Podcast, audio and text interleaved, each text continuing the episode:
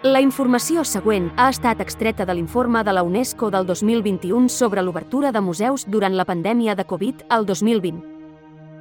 Però em va semblar més interessant l'annex amb el nombre de museus registrats a cada país de l'ONU i de fora.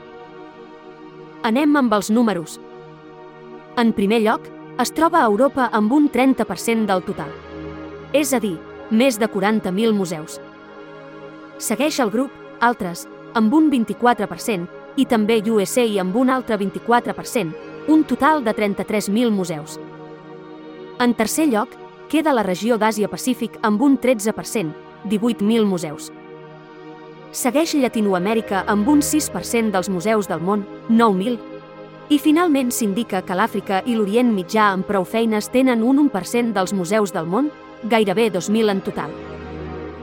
Certament, els resultats fan pensar molt sobre la precisió d'aquest informe de la UNESCO. Què és aquesta regió altres? I si cerquem el llistat de suposats museus a USA, trobem que han inclòs a la categoria de museus coses tan peregrines com edificis emblemàtics, parcs botànics i societats interessades en la història. Això és una mica fer trampa i invalida qualsevol comparació internacional. Seguirem cercant més dades i estudis per poder entendre millor el panorama internacional a través de mètriques més precises i contrastables. Ajuda'm als comentaris si tens alguna font interessant.